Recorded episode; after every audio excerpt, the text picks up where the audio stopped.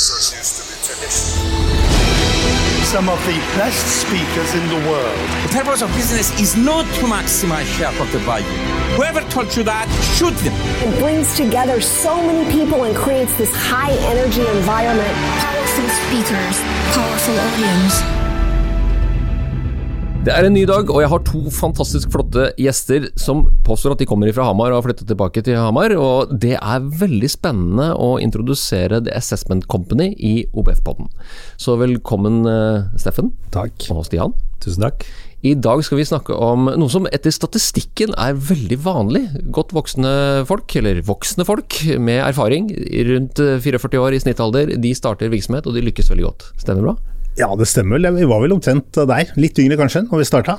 Ja, Slutten av 30-tallet i hvert fall. Ja. Oh, ja. Så vi kommer tilbake til det. Og det vi skal snakke om er kompetanseutvikling og kompetansegap. Det har jo faktisk blitt en gjennomgangstråd i denne podkasten, for det jobber dere med i The Assessment Company. Men aller først, fortell oss litt om eh, dette selskapet, som jeg vet også har hatt rask suksess. Vil du begynne? Ja, jeg kan gjøre det. Eh, nei, vi, jo, vi, er to brødre fra Hamar som har, eh, som har, snakket i lang, lang tid at en dag når vi blir store, så skal vi finne på noe gøy sammen. Og så gikk jo du på et, eh, tok et executive-program på INSEAD, Steffen? Ja, det er vel egentlig forløperen til, eh, til AC. Og da sier jeg med en gang at det må du ta også, så det gikk kult etter meg. Mm. Og så er det jo sommeren 2014 hvor vi egentlig begynner å se på den bransjen jeg har jobba i i 14 år, som har vært innenfor eh, altså konsulentverden med rekruttering og utvelgelse, trening og utvikling og, og strategifasilitering og ser egentlig at det her har det vært veldig lite innovasjon uh, og behov for nyskapning og en ny måte å tenke på. Også i forhold til at kompetansegapene blir større og større rundt omkring. Og det å finne nye metoder, mer effektive metoder. Og da begynte vi egentlig sommeren 2014 å lage ideen om People Lab, og hvordan det kunne være en utvelgelsesarena i forhold til rekruttering og utvelgelse, som uh, ville være mye mer treffsikker metode da, i forhold til å, å, å lykkes med ansettelser. Og så var det i tillegg det å lage et toppidrettssenter for næringslivet, og få det på plass. Også at PeopleLab kunne være en treningsarena for det. Og så gikk vi egentlig derfra og til eh, forretningsplan og mer konseptutvikling til Innovasjon Norge. Fikk støtte av de. Og så sa vi opp jobbene våre i uh, oktober i 2014 eh, og stifta selskapet og begynte å bygge første kontoret med PeopleLab. Og det åpna vi på Hamar i mai 2015. Ja. Og så var det Oslo. Kom i desember 2015. Da var vel 16 ansatte, tror jeg. Og så ble det en veldig vekst på de to områdene med rekruttering og utvelgelse, og med trening og utvikling. Og vi fikk eh, veldig flotte, fine kunder som hadde lyst til å liksom være med på en ny reise. Eh, og selskapet vokste, og i 2018 er jo liksom neste gang vi tar milepælene. Og da etablerer vi oss i Trondheim og i Stockholm og i Bergen. Uh, og I tillegg så får vi opp to nye tjenesteområder som handler om tjenestedesign og strategi og, og org-biten. Som henger veldig tett på det vi, det vi holder på med. Og så har det vært en fantastisk reise. Nå har vi jo blitt uh, eh, 60 ansatte i Norge og Sverige og har tippa 100 millioner i omsetning i uh, eh, 2021. Og vi ser jo at det vi holder på med har en uh, ekstrem relevans i den tiden vi er i. Veldig god pitch. vi ga ballen over til Steffen, og så tok ja. han og ga hele historien og hva som skjer. Ja, det er, det er storebror, vet du. Ja, det er det. ja. det, er det.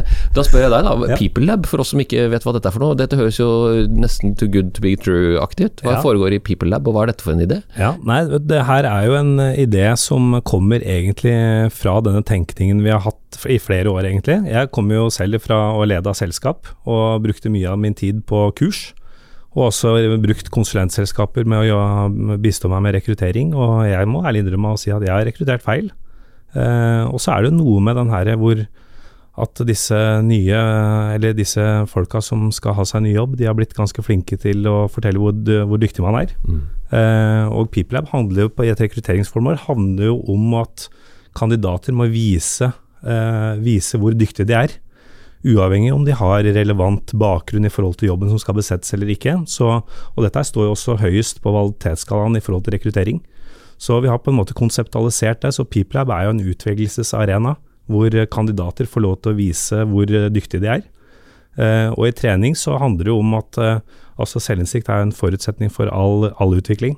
Og eh, her skaper man selvinnsikt. og jeg tror at uh, man skaper også eierskap, og vi genererer mestring, så folk får lyst til å gå i change. da, uh, Mer enn noe annet. Og når dette her blir lystbetont, så, eh, så tar man i bruk ny kunnskap dagen etter man har vært hos oss, og man ser resultater instant. Ja. Så det er et, det er et, eh, det er en, eh, det er et toppidrettssenter for næringslivet. Ja, det har vi hørt to ganger nå, så det får vi tro dere. Blir, vi skal komme tilbake til helt sånn eksakt hva som foregår i People Laben, men var, ble dette født på et Initiad-kurs, eller er det når dere satt og prata sammen, eller var, ga det seg selv at dere skulle lage en People Lab? Nei, det, ble, også, det var mer den strategiske tanken. Altså, vi øh, lærte oss litt strategimodeller og Blue Ocean Strategy, og satt vi egentlig og mappa hvordan markedet så ut i dag. Og så kom ideen ut som et sånt ledig rom da, øh, å ta, i forhold til å nettopp treffe på disse tingene som jeg har vært innom. Som et innovasjonskurs dere gikk på Initialt. Det var, øh, Om det ikke var et innovasjonskurs, så var det i hvert fall preg av det. det var strategi og innovasjon sto helt sentralt. og jeg tror det å ha fått uh, mye erfaring fra næringslivet, og så få tilgangen på disse nye modellene og tenkningen, det gjorde oss veldig i stand til å liksom gå målretta til verks for å finne en, og ta en posisjon da, i et marked hvor vi mente at det var en, en, en, ledig, uh, ledig posisjon for oss. Og, og det fant vi, og så jobba vi mye med innholdet. altså det også, Som Stian var inne på i stad, det å kunne se øh, kandidater da, i rekrutteringsperspektiv i uh, det som er kritisk for den rollen de har søkt på, det gir jo en fantastisk mulighet for en kunde og, til å få trygghet rundt de valgene man gjør. Og, og Det var vi veldig opptatt av å vise, at kandidater skulle få lov til å vise seg frem. Og så var det på trening så var det å skape liksom den også At vi vet jo at selvinnsikt er grunnlaget for atferdsendring. Og med, i det informasjonssamfunnet vi lever i i dag, så, så er det det å komme så tett innpå selvinnsikt som overhodet mulig, viktig sånn pedagogisk. Ja. Så er det et faktum også da, at eh, kandidater hos oss er konge, eh, eller dronning om du vil. Uh, og og når, når dette her med utvikling står øverst på alle agendaer om dagen, så de som bruker mye tid i rekrutteringsprosesser, alle uavhengig om de får jobb eller ikke, de skal ha utbytte av det å være i en rekrutteringsprosess hvor uh, The Assessment Company bistår. Så alle skal jo få tilbud om debrifer, alle skal komme ut av en prosess uavhengig av utfall, uh, med følelsen av at de har lært noe. Og det tror jeg vi vinner eh, mye på. Og Det er jo også sånn, husk på, det er jo en skuffelsesindustri. Hvis du har eh, 90 eh, kandidater da, til eh, én rolle, så er det 89 som får nei, eh, og som mener i bulaten, og én som får ja. Og Da tenker jeg at det å behandle folk med respekt og, og forståelse og, og, og eh, profesjonalitet da, er ekstremt viktig. Men nå blir jeg nysgjerrig, for at jeg har jo hørt om dere gjennom Oslo Business Forum, som har vært eh, i en sånn prosess for å lære og bli bedre til å kommunisere og, og jobbe som team, og har vært veldig fornøyd. eh, Blant annet derfor vi er her. Og så hører jeg at dere snakker mye om rekruttering. Hva er splitten mellom rekruttering og bedriftstrening hos dere, da? Cirka? Nei, det er eh, Nå kommer vi ut av en periode hvor det har vært litt overvekt på rekruttering. Eh, Pga. at mye av det vår konseptuelle rammeverk handler jo om å, om å trene eh, sammen. Eh, selv om vi har kommet ut av korona på en bra måte også på, på treningssiden. Så, men eh, når vi gikk inn i korona, så var det vel en 40-40-20 ca. 40% rekruttering og 40% trening. Og disse to nye tjenesteområdene våre som, eh, som er veldig spennende og som, eh, som passer eh, veldig godt inn i øvrige, øvrige spekter, eh, representerer ca. 20.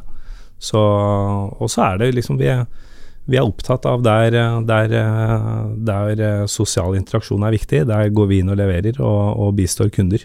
Så, så dette er et styrkeforhold som vi, som vi har veldig tro på. Ja, og Så henger det jo mer og mer sammen. ikke sant? At Rekruttering og trening. altså Du blir jo rekruttert inn i et selskap og rett inn i treningsløp.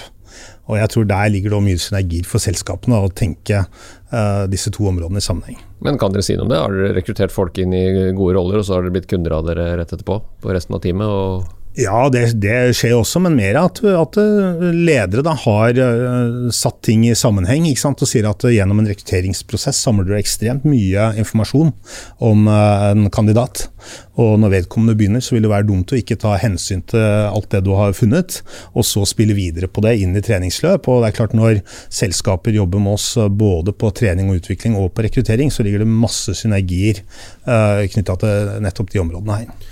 Ja, for det, Slik jeg har forstått det, at det, i hvert fall den treningen som OBF har fortalt meg om, så er de der inne, og så får de omtrent som i et sånt avhørsrom, har jeg fortalt, har de fortalt meg, bak et, et, speil som man ikke ser, at, men man vet sitter noen og observerer. Og så kommer folk fra dere og de andre i teamet ut og gir tilbakemeldinger. Og så er det prøv igjen, og så er det en ny runde med tilbakemelding. Er, er det så enkelt?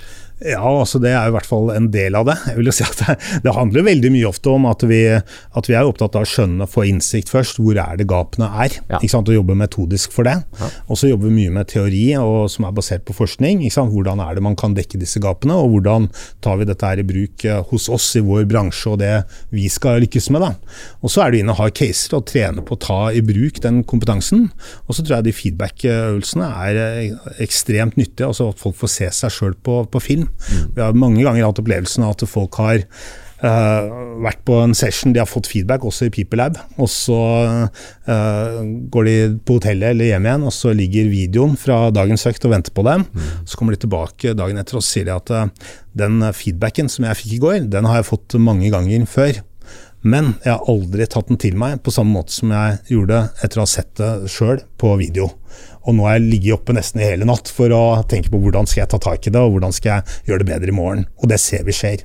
Mm. Så det er en fantastisk læringsarena. Mm. Og så er det jo en, et annet poeng, og det er jo, det er jo å bruke, bruke kollegaene som, som, første feedback-giver, ikke sant. Så, så blir, blir du, du blir på en måte geleida av dine kollegaer til å gå videre i utvikling. Mm.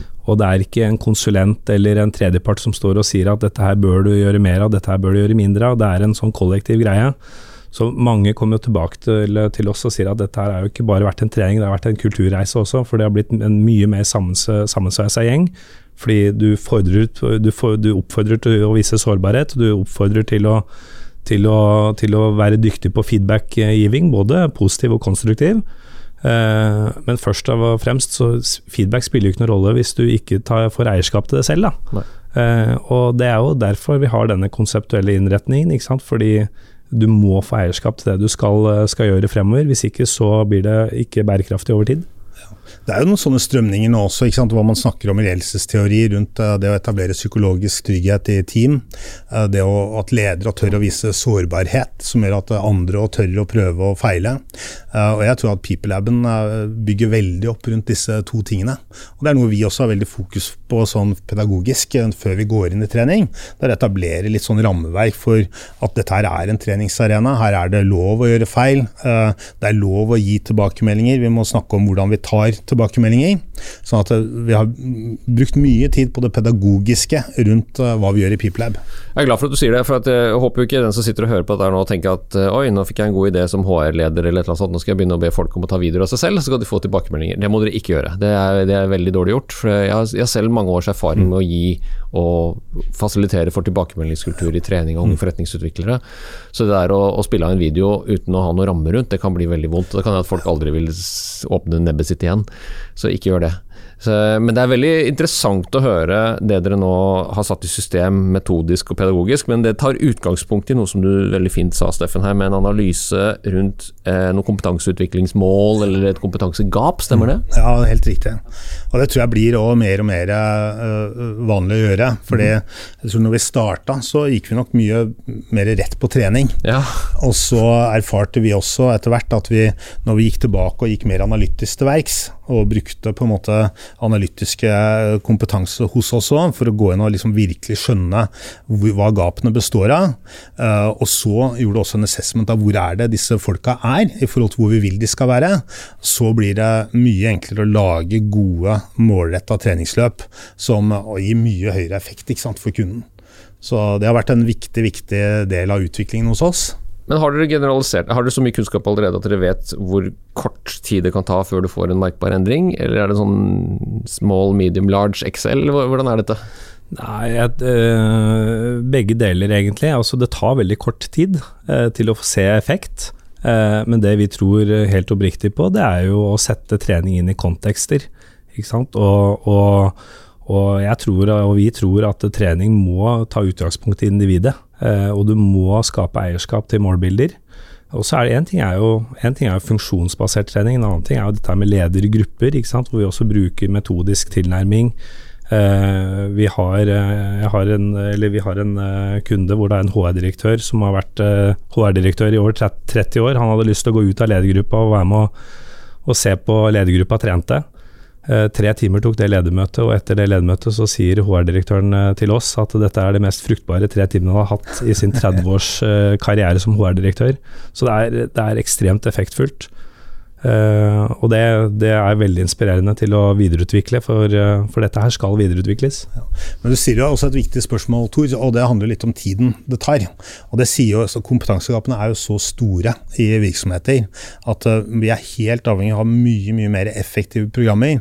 Og Det man sier nå, altså hva forskning sier, er at det bør ikke ta, altså treningsløp bør ta seks uker eller mindre for å få effekt. Og dette er jo egentlig ting som vi har rigga fra starten av. Å kjøre på en måte effektive, raske treningsløp, og hvor det er ikke bare som en event og en trening, men at det er på en måte satt i system, og det går raskt. For selskapene har ikke tid til å sitte uh, med de øh, kompetansegapene de har i dag. Det er veldig ødeleggende for dem. Ja, og Så skriver jo dere på websiden deres, noe jeg er helt enig i, at uh, kurs kan jo for så vidt være en fin opplevelse, det. Og det kan være litt sånn en sånn felles opplevelse, litt sånn kickoff-aktig, men det genererer jo veldig lite effekt effekt.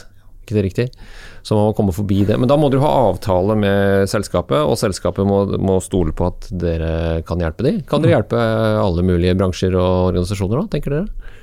Ja, jeg tror eh, der hvor, eh, der hvor sosial interaksjon er viktig, ja. der hvor holdninger, attitudes, eh, er avgjørende for å, og, og samspill og samhandling er viktige premisser for å lykkes, så tror jeg vi har veldig gode forutsetninger for å, for å, for å bistå.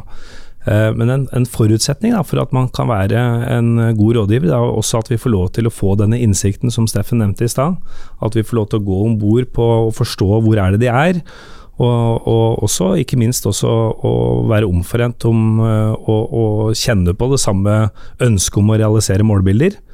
Eh, får vi lov til det, og så tror jeg vi kan skape magi sammen.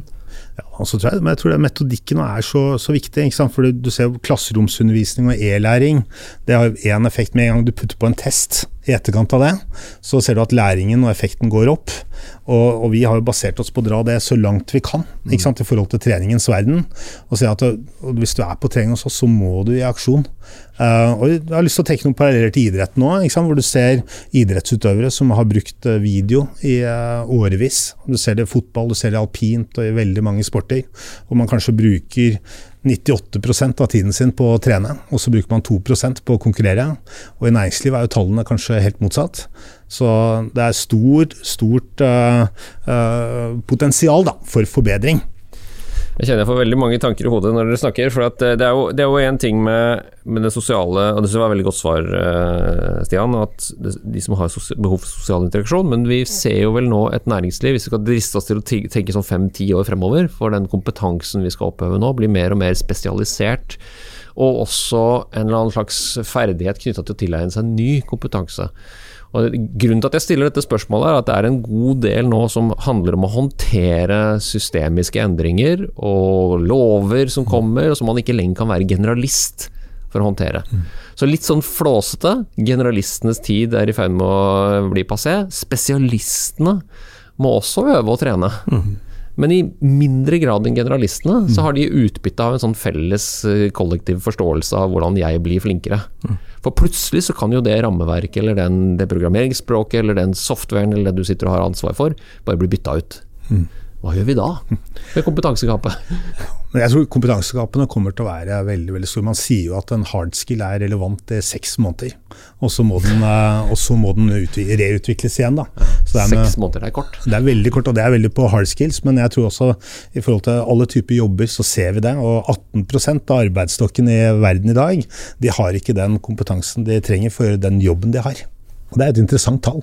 Ja, eller for å gjøre det enda verre, da. Dyrke den maten vi trenger, eller ja. sørge for de råvarene vi er vant til, ja. er blitt bortskjemt til å ha til en lav pris. Ja. Men det, det, Du skal ikke snakke om det, men den, den, den kompetansegap-kartleggingen dere gjør, den, den har dere også lagd selv. Det er en metodikk dere har utviklet selv, som er Assessment Company sin. Ja, og den bygger også på forskning og hvordan man går inn og, og gjør disse analysene. ikke sant? Så, men jeg tror at de, det å finne gapene, jeg tror det er øh, Du må skille litt på både hard skill og soft skill.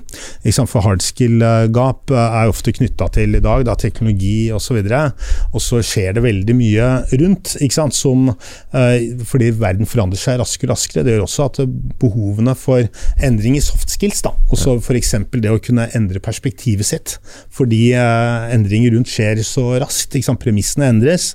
sånn at eh, det er, det er Vi jobber nå med en, å lage en Scandinavian Leadership Capability-modell som skal ta inn over seg liksom noe av nyere forskning på området for ledere, blant annet.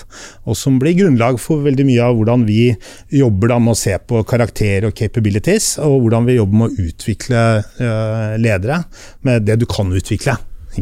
Men Hvordan gjør dere det? Kan dere putte en leder inn i People Laben og så simulere ledelse i praksis, uten ja. at vedkommende kjenner på at nå tar jeg ikke en vanskelig samtale, egentlig, jeg bare later som? Nei, Jeg tror de ikke vil ha følelsen av at de bare later som. Jeg tror det vet ikke jeg, jeg har ikke vært der. Nei, men Det er mange ledere som har vært i PeopleLab, og ja. også på både som en del av ledertrening og coachingprosesser. Men hvor vi også der da, har definert liksom, hva er coachingmålene. da. Uh, og så jobber vi med å ta frem caser som vil være utfordrende for dem å, å jobbe med. Uh, hvor det er et motspill, og hvor de får se seg sjøl på, på, video. Og hvor vi jobber med den type forbedring som du kjenner fra idretten. egentlig. Og da lever de seg inn i det? Ja, ja, ja. Det gjør alle som er i Piplab. Det, det, er jo her, det er jo her den analytiske ja. tilnærmingen kommer inn. Da, ikke sant? Fordi eh, Gjennom å gå analytisk til verks så får vi ganske god innsikt om hvordan, hvordan eh, de dagligdagse utfordringene er hos kunde. Som gjør oss i stand til å da kunne eh, være med og utfordre denne lederen da, som er på trening. Så, så, det tar to sekunder, så er de Jeg tror jeg har til gode å se andre, andre forhold, faktisk. Ja, men det er, bare, det er jo ikke bare det å finne feil. for det, Jeg tror jo veldig på at eh, det å bare jobbe med styrkebaserte teorier eh, Vi tror også det er viktig å ha fokus på å utvikle styrkene til disse lederne som er i, i PeopleLab, at de får selvtillit på det. Men vi tror jo også på at det å se på noen av de skyggesidene som vi alle har, eh, de ser jo vi også i PeopleLab, og, og de kan jo bidra til å nøytralisere, i hvert fall. Om ikke så veldig lenge, ikke akkurat nå, for den som hører dette her i 2022 tror jeg har røyka sokka mi og er helt detached fra krig og oljepriser og alt sammen, men om ikke så veldig lenge så skal vi reskille en hel haug tusenvis av uh, mennesker som jobber i olje og, og, supply og annet, som har hatt veldig gode arbeidsbetingelser og forhold, mange av de da, ikke alle, mm. som, som skal reskilles. Kunne man lagd sånne typer løp sammen med en utdanningsinstitusjon med, med, med People Lab? Ja, jeg tror også Om man bruker PeopleLab eller ikke, så tror jeg man er helt nødt til å lage den type løp. Uh, fordi vi trenger det big time for å løse de utfordringene vi står overfor. Ja, hvordan skulle du lage det? Er det noen som på, på, over uh, mikrofonen her kan ta et forslag til metodikk på dette? Hvem føler seg kallet? Nei, men jeg, jeg, kan jo prøve å svare på det, men jeg, det er jo ikke et ukjent fenomen. Også det er jo andre aktører som jobber med det. Om de ikke har PeopleLab, så jobber de med problemstillingene i forhold til å, å, å, å liksom jobbe med praktiske skills. da, ikke sant, Å endre det og, og gjøre og de klare. De. ikke sant, Transformere de, gjøre de klare til andre arbeidsgivere, hvor de er relevante. Og Jeg tror definitivt at PeopleLab kan være en del av en sånn type prosess. men jeg tror... Hvordan da, Steffen? Nei, med trening. Også fordi det handler om å, å, ta i bruk trening. Jeg tror at det vil være en god kombinasjon. Noen ganger, hvis det er hard skills-ferdigheter, så trenger det ikke PeopleLab å være en del av det. Men jeg tror de må gjennom en samme reise. Men jeg tror mye av dette her handler også om å lede hard skills. Det handler om å forstå hva som eh, skjer rundt oss, eh, og applisere ny kunnskap til nye markeder. Og jeg tror det også å trene på disse tingene, og få erfaring med å, å, å ta ting raskt til om det er et marked, eller om det er å utvikle andre mennesker, eller liksom hva problemstillingen er, så, så, tror jeg at den type trening i PeopleLab vil være superviktig. Mm. Har dere snakket om det, og utfordre de store utdanningsaktørene på noe vis med metodikken deres? Vi er i dialog med noen rundt det. Nå har vel vi først og fremst i vår periode brukt eh, de utdanningsinstitusjonene mest som inspirasjon for jo, jo. å hente liksom teori og kompetanse. Men jeg tror at etter hvert som vi vokser og, og har liksom fått fundamentert det vi holder på med, så vil jo det absolutt kunne være interessant. Mm. Det er få som har fjerna seg mer fra markedsgrunnlaget sitt enn høyere utdanning. Jeg har jobbet i det i mange år selv, de har, men det er jo en, er en, bevisst strategi. Og den er villet, og den er ønsket av ledelse og de som jobber der, fordi at det gir høyere prestisje, selvfølgelig. Mens det du risikerer da, er at du fjerner deg fra det, kall det markedsgrunnlaget ditt, da, som ja. er eh, potensielt ansatte i framtidens kunnskapssamfunn. Ja. Det er litt sånn interessant å høre med dere som da har laga en metodikk ut ifra rekruttering og trening, mm. er jo mye tettere på samfunnsmandatet til høyere utdanning ja enn det kanskje høyere utdanning er selv. Mm. Ja, og Den linken der er jo veldig spennende. og Vi jobber jo innenfor akademia-sporet og har flere kunder derfra også. Så, så jeg tror den bringer liksom den veien da, fra teori og forskning ned til hvordan du raskt kan ta i bruk den kompetansen eller endringen i måten å gjøre ting på. Eh, jeg tror det vil være kjempeviktig for å lykkes. Og så sier vi jo fra, Jeg er jo lærer, så de, vi bruker av og til å, å, metaforisk dele inn folk i de som Det er jo en del praktikere som liker det taktile, så liker å se og, å respondere, og da, som du sier, kommer nærmere til holdningsendringen raskere, da, eller fortere. Mens de som er mer visuelle og mer teoretiske, kan ha litt større utfordringer med det. Og Det samme har jeg også med erfaring med Dere bruker Jungs, ikke sant? Ja. Eh, JTI-profiler Ja, I trening gjør vi i treningen, ja. Som- Blant annet. Blant annet, ja. ikke sant? For det er jo flere andre og det som, som utfyller og hjelper individer og team, så at man ikke kun kjører seg fast i det. Mm. Det er et teamutviklingsverktøy. Ja. Som dere har god erfaring med og funker på de aller fleste grupper. Ja, og så tenker jeg at det er Du har jo alltid eh, Hvis folk er liksom tett i scoren sin, så vil de gi færre utslag. Da vil folk ha mm, liksom litt problemer med å kjenne seg igjen. Men, men jeg mener at det først og fremst er et pedagogisk verktøy, eh, hvor man ikke bare lærer seg selv bedre å kjenne, men man lærer også at andre kan tenke veldig annerledes. Ikke sant? Så at det, det har verdi også på den andre fronten. Da. Ikke bare i forhold til en sjøl, men også det å, hva det man sier, å lære seg at uh, på seg selv så kjenner man ingen andre, egentlig. Så er det jo noen dimensjoner der som er treningsbare, så og det tar vi tak i. Ja, og det tror jeg de aller fleste blir glad over. Altså avdekke, noen kaller det blindsoner, man kan kalle det forskjellige ting. Altså at man ikke er klar over for at man ikke nødvendigvis har fått den tilbakemeldingen. Og, eller man har fått den, som du så fint sa, men har ikke blitt helt bevisst den. Nei, og Vi trener jo også på det her, eh, Tor, i eh, PeopleLab, hvor du kan møte også I noen caser da, så kan en av motspillerne kanskje være en eh, introvert innkjøper. da, og Hvor selgeren eller lederen eller hvem det måtte være som spiller mot, skal, skal inn og lykkes med påvirkning av den introverte. Og så stiller man et spørsmål, og så blir det stille i andre enden. Og det takler jo den eh, ekstroverte ganske dårlig. eh, Og blir usikker og begynner kanskje å stille nye spørsmål eller svare på dem sjøl. Så jeg tror det å ta med seg den type For det JT handler i bunn og grunn om menneskekunnskap.